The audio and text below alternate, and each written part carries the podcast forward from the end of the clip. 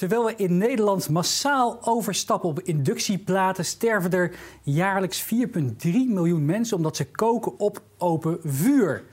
De familie Walker bedacht een slimme oplossing: een betaalbare oven voor de allerarmsten. Vanuit hun fabriek in Lesotho verkopen ze jaarlijks duizenden exemplaren. En hoe ze dat doen, vertelt vandaag bij mij Judith Walker. Judith, welkom. Dankjewel. Je hebt hem bij je. De oven. Kan je even kort uitleggen hoe die werkt? Tuurlijk, ik pak hem er even bij. Dit is dus de Ace One. De Ace One, zo In Lesotho gemaakt ook. Zo heet hij inderdaad. En eh, het is redelijk simpel. Als je genoeg lucht toevoegt bij je brandstof, dan brandt het veel efficiënter. En rook is eigenlijk gewoon onverbrand brandstof. Dus hier gaat dus biomassa in. En dat kan takjes, twijgjes, koeienpoep zelfs zijn. En daar wordt dan door gaten in de burning chamber, die kan je zo ja, ik zie ze inderdaad. Uh, wordt er lucht in de juiste hoeveelheden in de juiste plekken toegevoegd. En daardoor komt er geen rook meer bij vrij. Dat is wel het hele belangrijkste voor de gezondheid van degene die het gebruikt. Precies, want als je dus op open vuur kookt, zeker als je het binnen doet, dan komt er allemaal van die luchtparticles komen je longen in. Ja. Dat is, dat is ja, dodelijk zelfs. Dodelijk. En uh, nou ja, voor kinderen onder vijf is het uh, een van de grootste oorzaken van pneumonia, longinfecties. Maar ook gewoon de longontwikkeling. En uh, als jij dagelijks twee pakken sigaretten zou roken, dan is dat een beetje vergelijkbaar met hoeveel rook je eigenlijk dan binnenkrijgt. En dat, dat is gewoon heel erg ongezond. En dat is wel bewezen. Nou, eventjes voor de kijkers thuis. Je praat een beetje met een Brits accent, maar je bent gewoon volledig Nederlands, toch? Nou, ik ben half Nederlands. Mijn vader is Zuid-Afrikaans. En ik ben voornamelijk in het buitenland opgegroeid. Dus uh, dat het er nog een beetje vlot uitkomt, ben ik wel blij mee. nee, uh, hey, en je zei als, hij wordt gemaakt in Lesotho. Daar ja. staat de fabriek. Dat is een klein landje midden in Zuid-Afrika. Ja. Hoe komt het zo dat, dat, dat jullie hebben gekozen om daar de fabriek neer te zetten? Mijn ouders woonden er al. Dus ze zagen gewoon eerste hand hoe groot het probleem daar was. En toen zijn we eigenlijk op zoek gegaan naar de soort technologie die beschikbaar was hiervoor, voor dit probleem. Maar ja, ze, ze woonden er al. Hoe ja. Kom je daar nou terecht? Het is niet de ja. ideale vakantiebestemming, lijkt me. Nee. Nou, het is echt een super prachtig land. Je zou een keer moeten komen kijken, Remy. Want het is echt, Goed idee. echt heel mooi. Maar hoe kom je daar zo terecht als je dat niet... Uh, mijn vader was een fabriek aan het oprichten voor Philips. En dat is hoe wij daar zijn beland in eerste instantie.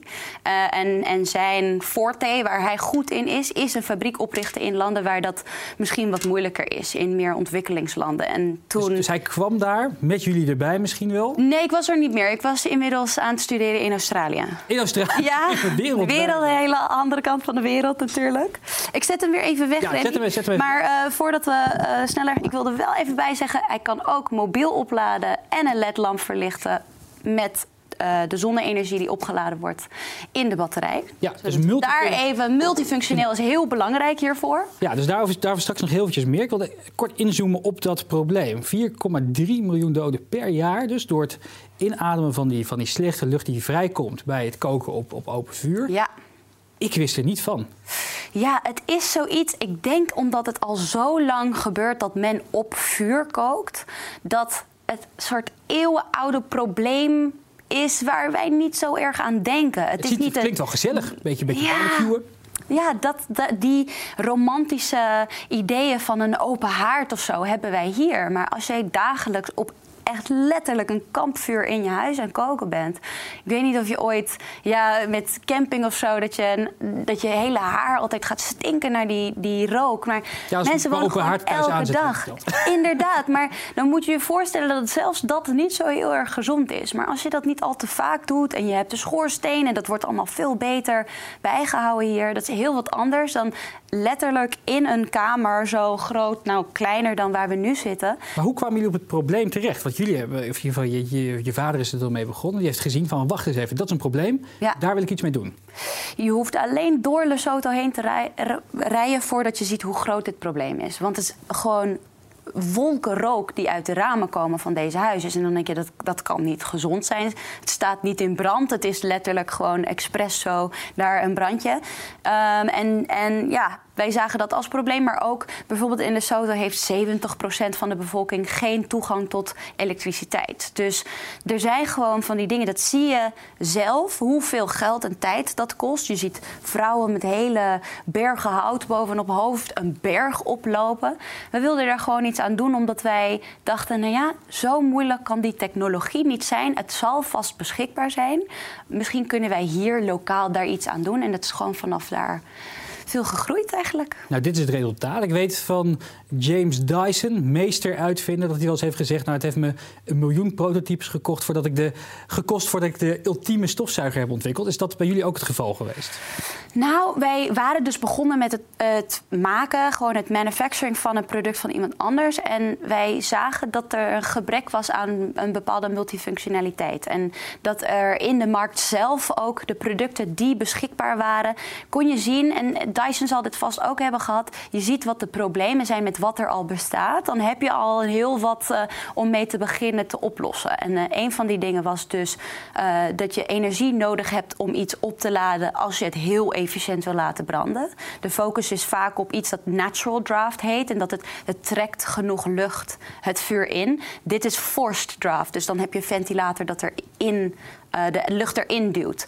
En uh, als je daarmee begint, dan heb je energie nodig. Daar, daarmee zijn wij dus met zonne-energie beland. Nou, als je zonne-energie gaat gebruiken, dan kan je daar nog meer mee. Maar wij zijn dus begonnen met wat wordt er al gedaan en hoe kunnen wij dat eigenlijk veel meer toegankelijk maken voor de mensen die nu geen energie hebben. Ja, want je kan er dus van alles in stoppen. Ja. Takjes, koeienmest. Ja. Uh, maar wat ik ook niet wist, dat heb ik dan weer gelezen toen ik een beetje aan research aan het doen was, dat um, mensen in die arme landen heel veel, uh, percentueel heel veel van hun vermogen kwijt zijn aan brandstoffen. Ja, zeker. En dat is weer ja, veranderd per land. Maar in Lesotho zie ik dat het gemiddeld bij onze klanten tenminste tussen de 25 en 90 dollar kost per maand. Voor kaarsen, mobiel opladen, brandstof voor. Allemaal dingen die wij denken te kunnen vervangen voor bijna niks. En je mag kiezen bijvoorbeeld dat je pellets of briquettes nog wil kopen. Dus verbeterde biomassa brandstoffen. Omdat het dan makkelijker is om te gebruiken. Dus je kan nog kiezen om geld uit te geven. Maar het kan helemaal niks kosten.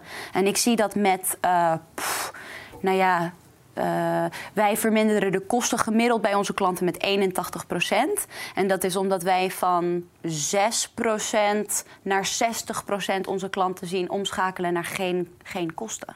Dus dat wat, is een groot verschil. Wat me zo lastig lijkt. het klinkt als een goed apparaat. Het klinkt als ja. een goede oplossing voor de mensen die het nodig hebben. Maar ja, ze hebben daar geen Facebook. Hoe bereik je de mensen? Hoe weten ze nou eigenlijk dat dit apparaat er is? Nou, Facebook wordt steeds meer populair. Wij gebruiken Facebook. We hebben inmiddels bijna 15.000 volgers of zo op onze pagina in Lesotho. En dat het, hier misschien lijkt dat niet heel veel mensen, maar uh, gezien dat de, de het percentage, percentage van de bevolking is uh, redelijk groot. Maar uh, inderdaad, wij gaan met onze eigen in-house sales teams gaan wij naar de klant toe. Wij doen demo's in de dorpen, zodat ze het zelf kunnen zien. Want vaak is het ook als je iemand niet helemaal gelooft dat het echt zo werkt, als het een soort scam lijkt, too good to be true, dat, dat voelen mensen ook aan. Dus wij willen echt, ja, kom, zelf gebruiken, zelf wat hout ingooien. Kijk, neem jouw mobiel, ik pluk hem in. Zodat mensen kunnen zien dat het goed werkt. En dan mogen ze bij ons een contract afsluiten om het op lange termijn af te betalen. En zo bereiken wij de klanten. En nu meer en meer met word-of-mouth marketing. Dus klanten die het al hebben, die hun buren, families en iedereen anders vertellen hoe goed het product is. Iets van 20% van onze verkoop in Lesotho is nu gewoon omdat ze het van een ander hebben gehoord dat het uh, een supermooi product is. Even over de prijs. Wat kost die om hem aan te schaffen? Het verschilt weer een heel klein beetje in de markten van hoe ver weg uit Lesotho wij verkopen. Want inmiddels ook in Oeganda en Cambodja. In Lesotho is hij net onder de 100 dollar. Uh, en dat is veel geld voor de klant. Dat is gewoon voor hun een hoog percentage van hun inkomsten. Daarom hebben wij dus microfinancieringscontracten. Ze mogen het negen maanden lang terugbetalen. En wat wij zien is met hoe hun kosten verminderd worden, betaalt het makkelijk voor zichzelf, maar bijna meteen. Dat je echt heel snel de betaling per maand eigenlijk uh, hebt bespaard aan wat je daarvoor aan het gebruiken was. Maar ik kan me ook voorstellen dat er mensen zitten te kijken en die denken van nou, 100 euro per maand voor iemand die ergens in een, in een hutje ver weg zit van de echte bewoonde wereld. Die hebben toch helemaal niks? Hoe kunnen ze dat betalen? Ja, het is niet 100 euro per maand. Het is 100, 100 euro, totaal. In totaal. precies, precies, sorry. Maar in totaal. 10 dan per maand? Ja, inderdaad. Maar als je bekijkt dat dus de gemiddelde kosten boven de 25 dollar zijn... als ik ook maar de helft daarvan kan besparen, dan betaalt het zichzelf. Ja. Dus dat zoeken wij. Wij zoeken juist de klanten waar we lekker veel kunnen besparen. Ook qua tijd. Want iemand die vier uur per dag bezig is met hout sprokkelen of iets gaan kopen of zo. Die tijd kunnen ze veel beter besteden aan uh, ja, school of werk of iets anders, hun eigen business. We zien heel veel businessvrouwen in Lesotho die kiezen om hierin te investeren. Want dan kunnen ze veel uh, ja, dingen naaien of met de, de kippen bezig of wat dan ook, wat hun business. Bierbrouwerijen zijn er ook dat is heel erg belangrijk. Want het moet makkelijk zijn om aan te schaffen. En dat proberen wij dus zo makkelijk, zo makkelijk mogelijk te maken met zo'n contract. En ik let er echt op hoe lang dat termijn moet zijn en hoeveel de terugbetaling. Daar doen wij heel veel datacollectie op om te zien dat het gewoon echt kan. Maar hoe werkt zo'n microfinanciering dan? Zo'n micro terugbetaling? Want ik kan me voorstellen dat je niet elke maand met met, met, met een auto al die dorpen af kan gaan om geld te innen. Nee, gelukkig zijn er dus hele coole mobile money uh, programma's in Lesotho met ook al meerdere landen. Dus wij gebruiken M-Pesa en EcoCash. En dat betalen ze met je mobiel? Ja, dus dan kan je naar een agent in een winkeltje of iemand die dichtbij is die de agent is. En dan kan je kredieten ruilen voor cash. En dan kunnen zij die kredieten naar ons sturen. Dus dan hoeven we niet het hele land door te reizen. Zo van belminutenruilhandel klinkt het bijna al. Ja, zoiets. Het, en dat is een soort een piggyback systeem daarvan. Want mensen willen toch belminuten kunnen kopen. Dus diezelfde agent is dan ook degene die helpt met het, met het geld te ontsturen, het hele land. En het wordt veel gebruikt om bijvoorbeeld je tante even 20 rand te sturen. Omdat zij iets moest kopen en dat leent ze dan even van je. Maar uh, voor grotere hoeveelheden kan dat ook. Dus dat gaat redelijk goed. Er zijn een paar gebieden waar het nog heel moeilijk is om mensen te bereiken. En het, ja, het, het gebeurt wel eens dat we dan alsnog naartoe moeten om cash op te halen. En daardoor zijn wij dus nu bezig met een groot project om een heleboel winkeltjes in Lesotho neer te zetten. Zodat wij zelf ook die agents kunnen zijn en uh, veel verder weg de klant met goede service kunnen bereiken. Want dat is heel belangrijk voor ons. Wat ik me wel kan voorstellen is dat sommige mensen het niet terug kunnen betalen. Of dat ze zoiets hebben van, nou weet je, die mensen zitten lekker op een afstandje. Ik besluit deze maand is mijn, uh, mijn belminuten ergens anders aan te besteden. Gebeurt dat? Het gebeurt wel eens. Uh, wij verkopen aan groepen in Lesotho en dus ze houden elkaar ook wel een beetje eerlijk. Want nou ja, als jij in mijn groep zit en ik betaal niet, dan ga ik er wat van zeggen. Want uh, dan ga jij er wat van zeggen, bedoel ik. Uh, dus, dus dat werkt redelijk goed. Ja, tuurlijk. Het zijn ook mensen die soms. Uh, het is vaker bijvoorbeeld, dan werkt de mobile, mobile financing werkt niet. Het systeem is dan even ergens kapot. Dan zit je met een berg geld en dan gebeurt er iets en dan heb je dat voor iets anders nodig. Dus dat soort dingen gebeuren vaker. Uh, ja, of je man is ziek en moest naar het ziekenhuis en dan heb je dat geld even niet. Dat soort dingen is veel meer dan dat mensen er echt niet voor willen betalen. En dat is ook omdat ze zelf inzien, nou ja, als je niet betaalt, dan uh, krijg je al de service erbij ook niet. En met brandstof en dingen. En, en als het goed werkt, dan, wil je, dan ben je bereid om ervoor te betalen. Zie je nog een verschil tussen eh, mannen, vrouwen, jong, oud? Of, of daar in een soort van betalingsmoraal nog hulp is? Of is, de, is die, die groep als coherent geheel al een perfecte oplossing daarvoor? Ja, ik heb nog niet echt gekeken wat voor verschillen in herbetaling dat soort dingen uh, invloed daarop hebben. Uh, kan je slechts een eisen, gewoon, we moeten minimaal 20% vrouwen of 60% vrouwen erin hebben, want die betalen gewoon. in de groepen, ja. daar letten we nog niet. We hebben wel, wij hebben in Lesotho bijvoorbeeld 85% van onze klanten zijn vrouwen. En dat is meer te maken met het is een groter burden. Ja, de tijd en de, de kosten is voor hun gewoon moeilijker dan voor uh, hun man of, of wie dan ook. Maar ook omdat groot percentage van de mannen in Lesotho ergens anders werken en misschien niet in het huishouden zijn. Dus uh, veel in de, de mijnen of in Zuid-Afrika aan het werk, omdat er niet veel werk is in Lesotho. Uh, dus we zien gewoon veel hoger percentage sowieso van vrouwen. Of dat een groot verschil maakt voor herbetaling, hebben we gewoon nog niet onderzocht. Maar het zou interessant zijn, misschien zal ik dat doen. We kijken wel naar de regio's. En zoals ik zeg, die hele verre wegge regio's waar misschien de agents van de mobile money nog niet echt zitten of niet uh, continu genoeg geld daarvoor hebben. Dat soort dingen. Dat, dat, daar zien we wel invloed van. Maar we zijn dat nu ook heel erg in Cambodja en eh, in Lesotho en in Oeganda aan het onderzoeken. Door al die datacollectie die wij doen, kunnen wij dat gaan ja, verifiëren, wat, wat voor een invloed dat heeft. Je bent, of jullie zijn een commercieel bedrijf. En dan heb je altijd een paar van die azijnpissers ertussen. die zeggen van ja, je bent nu gewoon geld aan het verdienen over de rug van de allerarmsten. Dat kan echt niet. Is me vaker gevraagd, inderdaad. Als je ziet hoe wij de klant benaderen, alle service die erbij komt. Wij beschouwen de mensen die wij helpen in principe gewoon als klanten. En dat is wel heel erg belangrijk als je bedenkt dat ze eigenlijk niks aangeboden krijgen. En dat is met financiële services, met uh, verzekering, met producten. Er is bijna niks te krijgen. En wij vinden het belangrijk dat ik dezelfde respect voor jou als klant heb als voor iemand anders, of je nou arm of rijk bent. En voor mij is het belangrijker dat wij op die manier mensen benaderen dan dat het soort zielenpietjes zijn die helemaal niks hebben en hoe durven we wel niet. Dan begrijp je gewoon niet wat voor mensen dat zijn.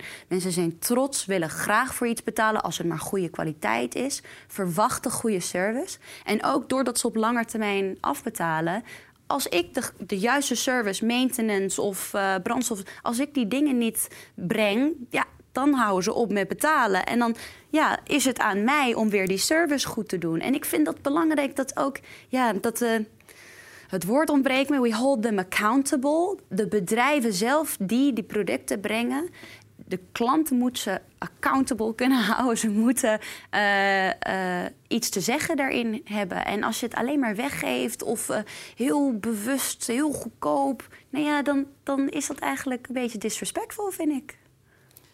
Je onderneemt samen met je hele familie. Broers, ja. vader, moeder. Ja. Kan hartstikke leuk zijn, maar ik kan me ook wel voorstellen dat er af en toe wat moeilijkere momenten bij zitten.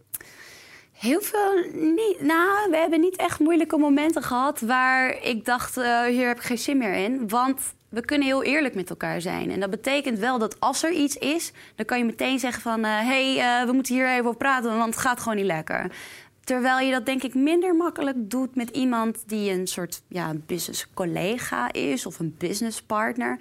Is Laat er een soort. rusten misschien dan denk ik dat mensen dat meer zitten te brouwen van... Oh, en ik kan niet geloven dat ze me zo hebben aangesproken. Whatever. Dat, dat hebben we dan helemaal niet. Je zegt even, hey, uh, we moeten hier over hebben. En dan is het weer helemaal klaar. En dan kan je verder. En ik denk die soort flexibiliteit, die chille sfeer... dat, dat maakt het juist makkelijker. We zijn ook allemaal heel erg gehecht en heel internationaal opgegroeid en vinden het juist fijn om zoveel contact met elkaar weer te hebben. Nou, misschien zitten we nog een beetje in een honeymoonfeest dan, maar het gaat goed.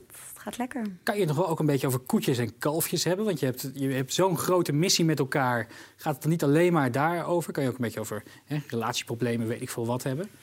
Doen we ook heel erg ons best voor. Vooral mijn moeder belt me wel eens en dan zegt ze: even echt niet over werk. Hoe gaat het met je? Uh, ja, dan moet je in balans houden. En ja, als we allemaal samen zitten, dan gaat het al snel weer over werk. Maar we hebben allemaal, ja, iedere vijf, gewoon zoveel passie hiervoor. En het is en blijft leuk om zoiets te kunnen doen. En ook samen.